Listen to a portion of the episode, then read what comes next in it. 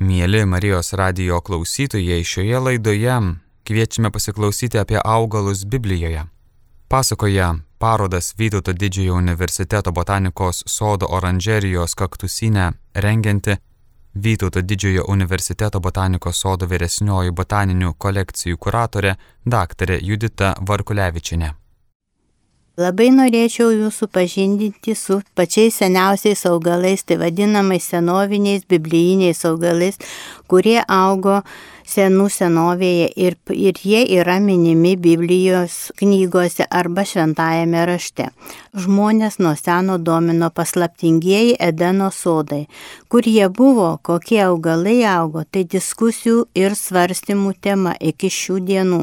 Biblijoje minima daug ir įvairių augalų. Kai kurie augalai siejami su šventaisiais ir jų gyvenimu. Tiesa, šiuo metu sunku tiksliai įvardinti visus šiuos augalus. Literatūroje nurodoma nuo šimto iki kelių šimtų ir tūkstančių augalų rušių. Dažnai nesusimastome dėl įprastų augalų pavadinimų. Iš tiesų, medžiai, gėlės, daržovės ir vaisiai šiandien yra tapę tiesiog vartojamais produktais. Mes grožimės, mes ragaujame, mes naudojame juos savo labui ir nieko nuostabaus, juk visa tai ir sukurta žmogui. Štai jau pirmose pradžios knygos eilutėse skaitome. Dievas tarė, te želdina žemė augmenyje, augalus duodančius sieklą ir visų rūšių vaismedžius nešančius žemėje vaisių su sieklomis. Taip ir įvyko. Antrajame pradžios knygos skyriuje rašoma, viešpats pats užveisė sodą Edienė rytuose ir ten įkurdino žmogų. Žmogus buvo apgyvendintas Edeno sode. Edenas šumerų kalba reiškia derlingą dykumą, o hebrajų kalba panašus žodis reiškia malonumą. Edeno sodas suprantamas kaip labai gražus, vešlus augalų gausumų išsiskiriantis malonumų sodas, dar žinomas kaip rojus. Manoma, kad Edeno sodas buvo įkurtas tarp Tigro ir Eufrato upių. Čia augo gyvybo, gyvybės medis. Štai knygoje gesmių kesmėje rašoma, kaip smagu sėdėti jo paunksmėje ir jo vaisiai man saltų. Gesmių gesmėje antrame skyriuje rašoma, kaip išsiskiria obelis tarp miško medžių, taip tarp žmonių išsiskiria mano draugo sūnus. Jis įkvėpia su gėlėmis manyje naują gyvenimo jėgą ir atgavina mane oboliais, nes aš esu meilės kančia. Obolys simbolizuoja nemirtingumą, pagundą ir rudenį.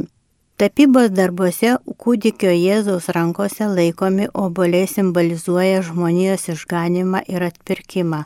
Oboliai kaip uždrausto vaisiaus aiškinimas sukurtas tik viduršambiais. Remiantis senovės graikų legenda apie Heraklį, kurio vienas iš žygdarbių buvo pavokti auksinius obuolius nuo gyvybės medžių. Biblijoje minimi augalai kalba simbolių kalba. Mus pasiekė figmedžio, lyvmedžio, kedro, kipariso, ažolo ir kitų medžių pavadinimai. Per simbolių kalbą mes atpažįstame Biblijos laikų augalus. Pagarba augalams yra ypatingas biblijinės tradicijos ženklas. Visgi vienas augalas buvo išskirtas - tai figmedis yra pirmasis šventajame rašte minimas augalas, o figos lapas tapo pirmuoju augalų simboliu. Tai senovės žydai pasiekė pažadėtąją žemę, pirmieji jų paragauti vaisiui buvo figos. Figmedis Izraelio žmonėms simbolizuoja taiką ir klėstėjimą. Figos medis šventajame rašte turi ilgą ir painę istoriją. Ši istorija eina per nuodėmę ir gėdą, taiką ir gerovę bei vaistingą tikėjimą. Taigi, biblijinis posakis sėdėti po figmečių metaforiškai reiškia Dievo palaimą, Izraelio tautos gerovę ir taiką. Figos medžiai yra gamtos stebuklas. Niekas nėra matęs jų žydėjimo, ne žiedų Dalis yra vaisių viduje.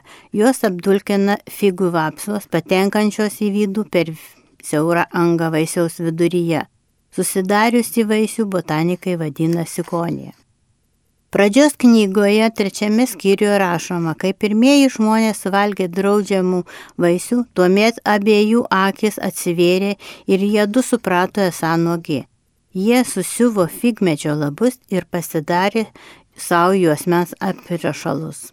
Toks yra liūdimas apie rojaus sode augusi figmedį, nemaži jo lapai patikimai dengia žmonių nuogumą, kuris buvo suvoktas padarytos nuodėmės akivaizdoje. Bet žmonėse vis dar gajus posakis - prisidengti figos lapeliu, tai reiškia vaizduoti nekaltą.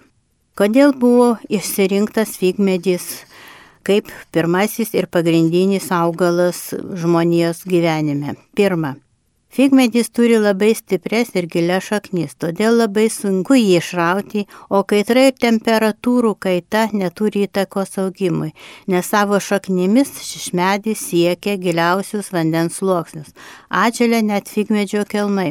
Tad jis yra labai gyvybingas, lygiai taip pat yra su įdų išrovimu, jos laikosi savo šaknimis pačiuose giliausiuose žmogaus kloduose. Antra, Sausa figmedžio mediena buvo naudojama karstų ir skirinių gamyboje, o pats medis užauga gana greitai, netgi sausros metu. Taip ir mūsų įdos veši greitai ir nekontroliuojamai. Joms tinka bet kokia aplinka ir sąlygos. Jos kaip ir tie karstai įsilaiko ilgai ir negenda. Karstas reiškia mirtį, mirtinos yra ir nuodėmės. Trečia, figmedžio vaisiai yra kartus kaip kartus ir nuodėmės veisiai. Po nuodėmės, kaip ir po figos kramtimo, išlieka kartelis. Ketvirtas. Skirtingai nuo kitų vaismedžių figmedį apdulkina tik vapsas. Apdulkinimas vyksta tik tada, kai vapsa įkiša savo geluonį tiesiai į vaisiaus šerdį. Taigi, kad užsimekstų vaisius, reikalinga jam įgelti. Tik vieną kartą. O kiek kartų reikia gelti žmogui, kad jo širdies sukiltų piktis. Teko girdėti. Man jis jau vieną kartą įkėlė, daugiau to nenoriu. Ir pikto vaisius jau užmėgstas. Kai žmogus prabyla šitaip, piktoji nuodėmė, mėsvapsva jau būna įgėlusi. Šventajame rašte, rašte minimas vanduo.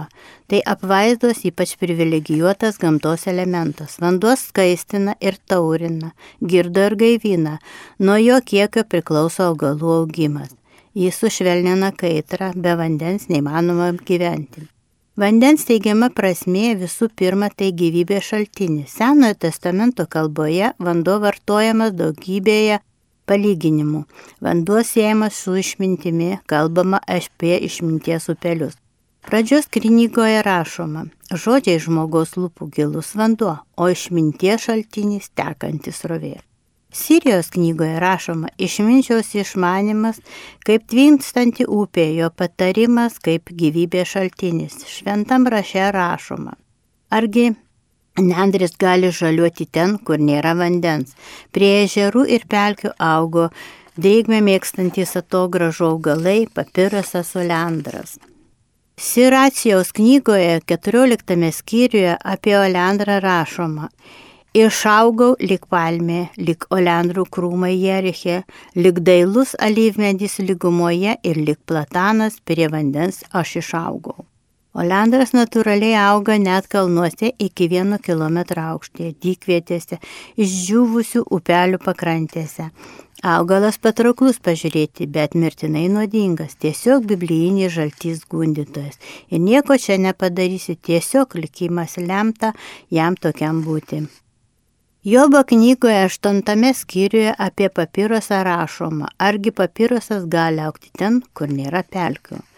Senovės Egipto Bizantijos laikais dar prieš 3000 metų iš papiruso gamino popierių, čiūžinius ir darė valtis. Ant papiruso popieriaus parašytas Egipto mirusiųjų knyga, kuri aprašo gyvenimą anapus himnus ir užkalbėjimus. Ant papiruso rašė ir apaštalas Jonas. Šventajame rašte augalai minimi atsižvelgiant į praktinę ir estetinę jų reikšmę. Kviečiai, miežiai ir alyvogės yra gerovės matas, o medžiai, žolės ir vaisiai įvairių dorybių simboliai. Vynogė dažniausiai minimas Biblijoje augalas, vien iš svarbiausių žemdirbystės kultūrų. Vynogės priskiriamos gilus simbolizmas susijęs su Jėzaus Kristaus bažnyčia. Kai kurių augalų aprašymas yra toks apibendrintas, kad kalbėti apie rušis nėra galimybių. Beveik visi augalai yra tarsi gyvenimo pavyzdys žmogui.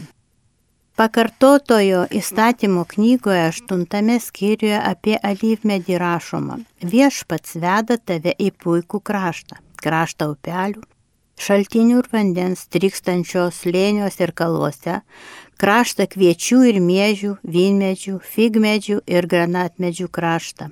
Alyvmedžių ir medaus kraštą, kur galėsi valgyti duonos nestokodamas, kur jums nieko netrūks.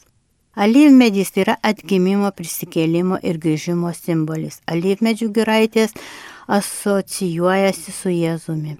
Todėl Jeruzalės alyvų kalnas vienodai brangus ir žydams, ir krikščionims. Šie medžiai simbolizuoja švelnumą, derliaus turtus, vaisiai vaisingumą, ilgamžiškumą, apsivalymą. Alyvmedžio šakelė neša taiką ir gerovę. Psalmėje 92 apie Finiką rašoma. Ir žiloje senatvėje jie neša vaisių, visat jie sodrus ir sutingi, liūdydami, koks teisus yra viešpats.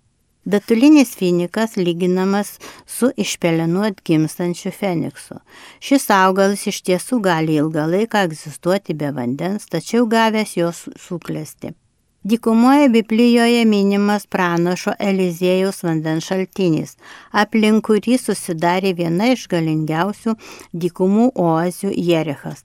Finikinė palmė gyvenimo simbolis saugo vandens telkinius, duoda maistą pastogę žmonėms, gyvuliams ir paukščiams. Citrinmedis Genties pavadinimas yra kilęs iš graikiško žodžio kitron, auksinis medis. Citrina nuo seniausių laikų vartojamas vaisius. Jį valgyta dar prieš 4000 metų. Citrinmedžiai augo derlingose Tigro ir Eufrato lygumose. Citrinos buvo naudojamos senovės Egipte mumijoms balzamuoti. Tikėta, kad citrinas augo nuo daugelių nuodų. Graikai citrinomis dezinfekuodavo vandenį, gydė kasdienius negalavimus. Kai kurie augalai ir medžiai pasitarnauja kaip estetinės metaforos. Šventame rašte kalbama apie lelyjas ir rožės, apie kipariso grakštumą ir Libano kedro didybę. Sename testamente gesmių kesmėje šeštame skyriuje rašoma, mano mylimasis nuėjo į savo sodą, prie kvepiančių augalų lysvių jis ten gano avis ir skina lelyjas. Baltoji lelija yra viena iš seniausių žinomų ir auginamų augalų. Ji minima krikščionių bei senovės žydų Biblijoje. Baltoji lelija Biblijoje vadinama Madonos lelija Šarono rožė. Siracido knygoje 36 skyriuje apie rožę rašoma, Klausykitės manęs, mano ištikimieji vaikai, ir skleiskite vainiklapius lygrožė, pasodinta prie tekančio vandens. Krikščionybėje pirmieji penki įskleidę rožės žiedlapiai simbolizuoja penkias Jėzos žaizdas. Biblijoje teigiama, jog Arhangelas Gabrielius iš baltų, raudonų ir geltonų rožių nupinė vainiką Marijai mergeliai. Baltų rožių vainikas tai mergelės Marijos džiaugsmas, raudonų rožių vainikas jos kančia, o geltonų rožių vainikas jos šlovė. Biblijoje teigiama, jog nuo nukryžiuotojo Kristaus kraujas lašėjo ant samanų, iš kurių išaugo tamsiai raudonos spalvos rožės, primenančios kraują pralietą už mūsų nuodėmės. Pranašo Izaijaus knygoje 41 skyriuje apie kiparisą rašoma, auginu kiparisus tirlaukiuose, draugė su guobomis ir pušimis, kad matytų ir žinotų, stebėtų ir suprastų, jog ranka viešpaties padarė. Daug laukinių kipariso auga ant Hermano kalno, kurį žymi pažadėtosios žemės šiaurinę sieną. Kiparisas gedurlo ir sielvarto simbolis o negyva jo mediena senovės civilizacijose simbolizuoja šventųjų karalystės. Iš Kipariso medienos pagaminta Švento Petro bazilikos ir Vatikano miesto salės durys. Ezekėlio knygoje 31 skyriuje apie Libano kedrą rašoma didingas kedras. Štai, Asirija buvo lik kedras Libano, plačiomis šakomis teikė miškui pavėsi, aukšta ūgis viršūnė iškėlęs tarp debesų. Libano kedras minimas Biblijoje 76 kartus. Egiptiečiai kedro dervą naudojo mumifikavimui. Finikiečiai iš kedro gamino laivus, statė namus, pili šventiklas. 1998 metais kedrų miškai ir Kadišo slėnys įtraukti į UNESCO pasaulio paveldo sąrašą. Ypatingai iškalbinga yra gesmių gesmė. Tu esi malonumų sodas, kuris želdina granatmedžius ir geriausius vaisius - kroką, nardą, kvapėją nendrę ir cinamoną su visais kvapiais medžiais, myra ir alavijas su visais rinktiniais kvepalais. Manoma, kad tai mylimojo žodžiai sužadėtiniai. Atėjo knygoje antrame skyriuje apie granatmedį rašoma paguodos ir vilties žodžiai. Ar svirne vis dar trūksta grūdų sėklai, ar vynogė, figmedis, granatmedis ir alyvėdis vis dar neša vaisių, nuo šiandien jūs laiminsiu. Žydų kultūroje granatas teisingumo simbolis, o vaisiaus kauliukai simbolizuoja tautos gausą ir vienybę. Kiekviena sėkla atitinka vieną iš 613 toro įsakymų.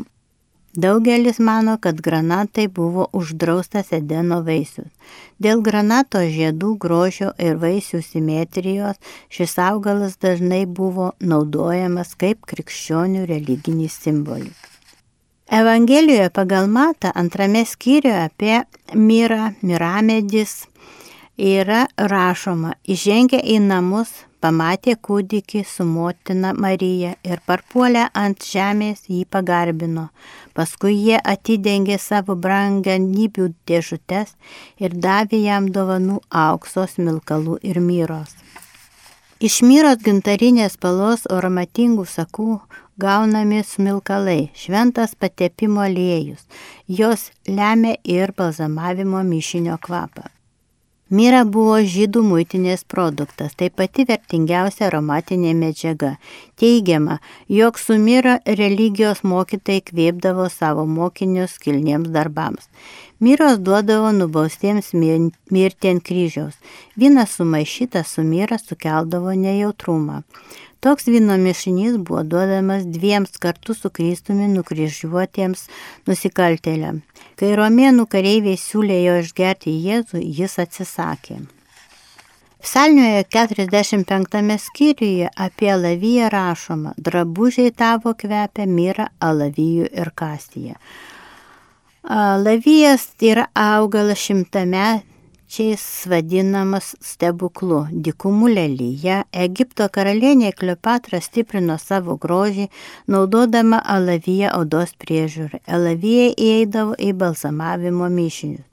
Seniausias įrodymas, kad alavijas buvo vartojamas medicinai ir kosmetikai, buvo Egipto papirusas, datuojamas 3500 metų prieš Kristų.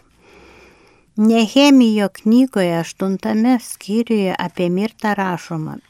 Išeikite į kalnus ir atsineškite lyvmedžių, mirtų, palmių ir kitokių šakų palapinėms pastatyti. Adienos sodas buvo sklydnas mirtų aromato. Mirta buvo graikų deivės Afroditės augalas, simbolizuojantis jaunystę ir grožį. Mirtų vainikais graikai vainikavo savo puikius filosofus, pabrėždami ilgalaikę jų darbų naudą. Visose augalo dalyse yra aromatingų aliejų, kurie turi gydomųjų savybių. Apaštalo Petro pirmajame laiške apie Laurą medį rašoma, kai pasirodys vyriausiasis ganytojas, jūs gausite nevystantį garbės vainiką. Krikščionimis Lauras simbolizuoja Kristos prisikelimą. Lauras yra paminėtas Bilbilio šlovės, turtų ir tyrimo kontekste. Senovės Romoje Lauro šakų vainikai simbolizavo tyrumo įsikūnymą. Lauro šakos kaip simboliai ir šiais laikais naudojami daugelio valstybių herbuose ir heraldikoje, apdovanojimų ženkluose, medaliuose ir monetose. Luko knygoje 15 skyriuje rašoma apie pupmedį. Saldžia vaisio pupmedžio medis minimas tik Luko knygoje, o vaisiai ankštys kaip pašaras keuliams. Biblijoje minima, kad šio augalo sėklomis dikumose maitinosi Jonas Krikštytojas. Juvelyrai kietas pupmedžio sėklas naudojo kaip etaloninį svarmenį, aukso ir brangakmenių svorių įvertinti. Sėklos svorys yra 0,2 gramai, o vienas karatas atitiko vieną sėklą. Senovės Romos ir Bizantijos grino aukso monetos svoris buvo 24 karatai arba 4,5 gramo saldžiavaisio pupmedžio sėklų. Levanda pasak legendų iš Edeno sodo išsinešė Domas ir Jėva. Senovės graikai levandą vadindavo Nardo, Sirijos miesto Nardos garbiai. Šiuo vardu levanda minima ir Biblijoje. Stiprų kvapą augalas įgavo, kai ant krūmo Marija iškabino išdžiūti kūdikėlio Jėzaus drabužėlius. Levandos buvo naudojamis krikščionių šventyklose aromatizuoti vandenį. Švenčiausia mergelė Marija šį augalą naudojo prausdama ką tik gimusi Jėzą, taip pat ruoždama jį laidotuvėms. Pradžios knygoje pirmame skyriuje apie rozmariną rašoma. Dievas tarė, aš jums daviau įvairias žolės, turinčias tėklą, kurios auga žemės paviršė ir visus medžius, kurių vaisių sius turi sėklą, jums te būna tai maistas. Sakoma, kad jo žiedai buvo balti, tačiau Mėlyną spalvą augalas gavo nuo Marijos apsiausto, kurį jį metė ant krūmo su kūdikėliu Jėzami bėgdami nuo erodito kareivių. Jau senovės romėnai ir graikai šį augalą laikė šventu. Jie manė, kad rosmarinas atneša laimę ir saugo nuo piktųjų dvasių. Rozmarinas yra ištikimybės simbolis, naudojantis krikščionių vestuvių ir laidotuvių ceremonijose. Senasis testamentas Luko knygoje 11 skyriuje apie rūtą rašoma taip. Vargas jum, fariziejau, jūs duodate dešimtinę išmėtų, rūtų ir kitokių žolelių, o apleidžiate teisingumą ir Dievo meilę. Tai turite daryti ir ano nepalikti. Rūta vadinama liūdėsio ir atgailos augalu. Jo šakelėmis šlakstomas šventas vanduo, Per svarbias ceremonijas biblijiniais laikais rūtos buvo naudojamas aliejams aromatizuoti, gyjimui skatinti. Dėl vaistinių savybių buvo auginama vienuolynuose dvaruose. Senasis testamentas Luko knygoje skyriuje 11 apie mėtą rašo. Jūs duodate dešimtinę iš mėtų rūtų ir kitų žolelių ir apleidžiate teisingumą ir Dievo meilę. Egiptiečiams mėtos buvo žinomos tūkstantis metų prieš Kristų. Senovės žydai mėtų lapus barstė ant sinagogos laiptų. Asirai mėtas naudoja ugnies dievų ritualams. Senovės graikai ir romėnai naudoja jas kaip prieskonius, kvepalus, dantų balintojus ir nešiojo kišenėje, nes tikėjo, kad mėtos stiprina protinius gebėjimus. Esteros knygoje pirmame skyriuje apie Vilnamedį medvilnę rašoma. Kiemas buvo išpuoštas baltomis ir mėlynomis medvilnės užuolaidomis. Lininėmis tamsiai raudonos spalvos virvėmis. Archeologai įrodė, kad medvilnė buvo žinoma senovės Indijoje ir senovės Egipte. Pagarsė Tartastano augalų eriuko legenda. Senovės graikų istorikas Herodotas V amžiuje prieš Kristų po kelionės į Egiptą, Siriją ir Persiją apibūdino augalus su ant kotelio galo augančiojo riku. Augalų pumpurai panašus į melionų sėklas, kurių viduje yra eriukai. Istorija buvo labai populiari ir eriuko augalo egzistavimu buvo tikima iki XIX amžiaus pabaigos. pradžios knygoje, 11 skyriuje apie melioną ir arbūzą rašoma. Mes prisimename žuvį ir Egipto žemės, nes mes valgėme nemokamai agurkus, melionus ir arbūzus. Melionai buvo plačiai auginami ir vartojami maistui visose Biblijos žemėse, ypač sringose regionuose, labai vertinami dėl troškulį malšinančio minkštimo ir sulčių. Melionai turi odą gydomųjų savybių. Arbūzai senovės artimuosiuose rytuose buvo auginami šalia viduržėmio jūros priekybos kelių ir paplito kitose šalise. Skaičių knygoje 11 skyriuje apie česnaką ir svagūną rašoma taip. Dykai valgydavome agurkus, melionus, porus, svagūnus ir česnakus. Mūsų stemplė susitraukė. Česnako veiksmingumą prašo Plinijus Hipokratas Pasteras 1858 metais įrodė česnako antibakterinį veikimą. Senovės Romos ir egiptiečių kariai valgydavo česnaką, nes tikėjo, kad jis suteikia daug jėgų ir drąsos. Senovės egiptiečiai garbino svagūną rutulio formą ir koncentriniai žiedai jiems simbolizavo nemirtingumą. Iš visų daržovių vaizduojamų meno kūrinius tik svagūnai ir auksinės spalvos. Giesmių giesmėje 13 skyriuje rašoma apie imbierą, kad karalius Saliamonas sako sulamitai. Tu esi kaip giraitė, kurioje noksta granatų vaisiai, veši levandos ir šafranai, ajerai ir cinamonas, myra ir alavijai, bei daugybė kvapiųjų prieskoninių žolelių. Senovės Graikijoje būdavo atliekamos ir tėtiškos milkalo apėgos, kurios atšviežindavo patalpas bei žadindavo meilės aistrą bet Biblijoje apie tai kalbama. E, šis gelsvas įmantrios formos šakniastebis turi unikalių gydomųjų savybių. Stiprina organizmo atsparumą tiek karščiui, tiek šalčiui. Gvazdikmedis. Gesmių gesmėje apie jį rašoma kvapusis gvazdikmedis prieskoninis augalėlis. Senovėje šie dėl panašumo su vienimi laikytas Kristaus nukryžiavimo simboliu. Dėl to krikščionys laikė jį stebuklingų vaistų. Per maro epidemiją žmonės gelbėjosi nuo užkrato, kramtydami gvazdikėlius arba pasikabindami ant kaklų jų vėrinį.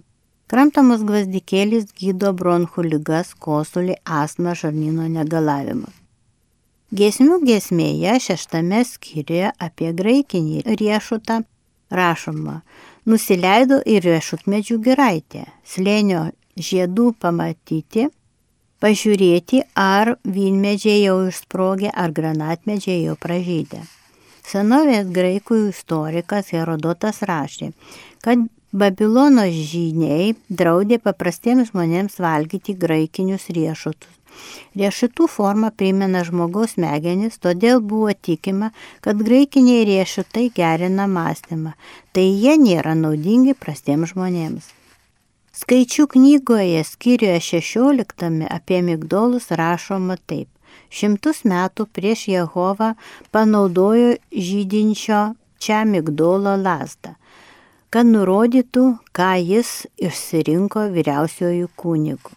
Migdolai žinomi nuo seno. Jie minimi Biblijoje ir kitose senoviniuose raštuose.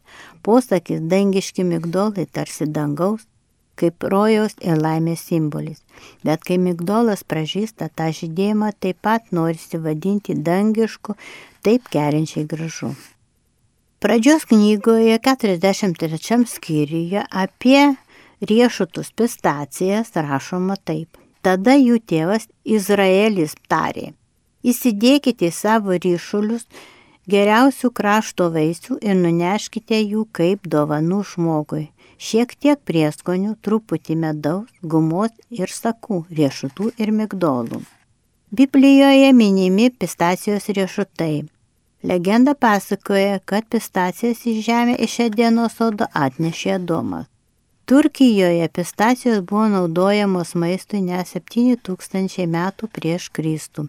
Senovės arabų karalienė Šeba pistacijas paskelbė valdovų nuosavybę ir paprastiems žmonėms draudė jas auginti. Izainio knygoje 44 skyriuje apie gluosnį rašoma, kadangi aš esu kaip pilamas vanduo ant išdžiūvusios žemės, todėl aš išliesiu savo dvasę, palaiminimą ant tavo palikonių, kad jie būtų žali kaip žolė, kaip gluosniai prie vandens upelių. Biblijoje minimi gluosnių rūšis, augančias prie Jordanijos upių krantų ir negyvosios jūros. Iš gluosnių šakelių pindavo krepšius, kamienai buvo naudojami latakams, gluosnio lapų sultys naudojamos tapybai, žievė vyriams, jo atraižos kaip žibintų degikliai. Pievų gėlės. Nereikia jų pamiršti, tai yra augalai, gėlės nuo netmenamų laikų, buvo siejamos su žmogaus gyvenimo ciklais. Trapios gėlės pumpuro virsma žiedu, gyvybė, skleidžianti aromatą ir vytimas, taigi mirtis. Per visą žmonijos gyvenimo istoriją augmenijai buvo suteikta magiškų, mistiškų, simbolinių reikšmių gydomųjų savybių. Psalmėje rašoma, žmogaus dienos panašios į žolę, žydį tartum laukų gėlė. Pievų gėlės minimos tik keliose Biblijos vietose kaip klestinčio vėliau nuvystančio žmogaus gyvenimo simbolis arba kaip metafora grožiui pagirti. Palestinos pievose augo apie 2000 rūšių gėlių - tulpių, kardelių, vildarkių, vedrynų, hecintų, narcizų, agonų ir kitų. 51 psalmėje rašoma apie Izopą. Apvalyk mane Izopu ir būsiu švarus, nuplauk mane ir būsiu baltesnis už sniegą. Izopas graikų kalba reiškia šventoji žolelė. Tai kalbama apie jos ažolę, kaip anksčiau buvo vadindama. Dabar izopų pavadinta šiais laikais. Prieskonis taip pat kuklumo bei Marijos simbolis, jo buvo dedama į šventintą vandenį. Krikščionių tapybos tradicijoje izopas yra nuolankumo simbolis. Viduramžiais izopas buvo auginamas siekiant apsaugoti nuo blogos akies. Juditos knygoje rašoma apie gebenę. Visos Izraelio moterys atskubėjusios jos pamatyti laimino ją ir šoko ratelius jos garbiai. Nulaužus gebenė šakelių, ji apdovanojo jomis savo palidovės. Senovės Egipte gebenė laikoma Dievo Ozirio augalu antikinėje Graikijoje pašvesta Dionizui. Tai mater, moteriškumo, draugystės, ištikimybės simbolis, reiškinti nemirtingumą atgimimą. Nenuostabu, kad čia simboliais yra tapę ir kiti netokie kilmingi augalai - usnys, terškiečiai, dilgelės, tai yra žmogaus darbą bei gyvenimą apsunkinantis augalai. Erškiečiai ir pikžolė nurodo apsileidimą ir pasitraukimą nuo Dievo valios. Kai tik neprižiūrime užveisto sodo, jame tuoj suveši pikdžolės. Patarimų knygoje 24 skyriuje apie dilgerę rašoma, žiūriu, jo laukas apaugęs ir škiečiais, jo žemė pilna dilgelių ir akmeninė tvora išgrauta. Dilgėlės paplitusios tiek Europoje, tiek artimuosiuose rytuose, jos kaip pikdžolės auga azoto turtingose dirbožėmėse, kaimuose, kur žmonės augina gyvūnus. Anksčiau kai kurios Europos ir Azijos tautos dilgelių ir lino verpalus naudodavo drabužiams. Nuo senovės valgiui naudojami dilgelių lapai, nes turi daug vitaminų. Jų pridedama į arbatą, sriubas ir salot. Pranašo Izaijo knygoje penktame skyriuje apie usnį rašoma taip. Dabar jums pasakysiu, ką ketinu daryti su savo vynogynu. Išrausiu gyvatvorę ir jis bus nuniokotas, nugriausiu sieną ir jis bus išryptas. Taip, paversiu jį dykvietę, nebus jis genimas nei purenamas. Apžels erškiečiais ir usnėmis debesims, jis sakysiu, kad nelietų ant jo lietaus. Daugelį Biblijoje Tekstų minimi augalai simbolizuoja pasėlių gedimo kartelį ir tironiškus valdovus. Palestinoje pakeliui ir kaimų kraštovaizdį sudarė daug žolinių augalų ir krūmai su usnimis. Tuo ir baigiu apie Edeno paslaptis, biblijinius sodus ir linkiu jums visiems geros sveikatos ir iki susitikimų pagarbiai Judita Varkulevičinė mokslo darbuotoja.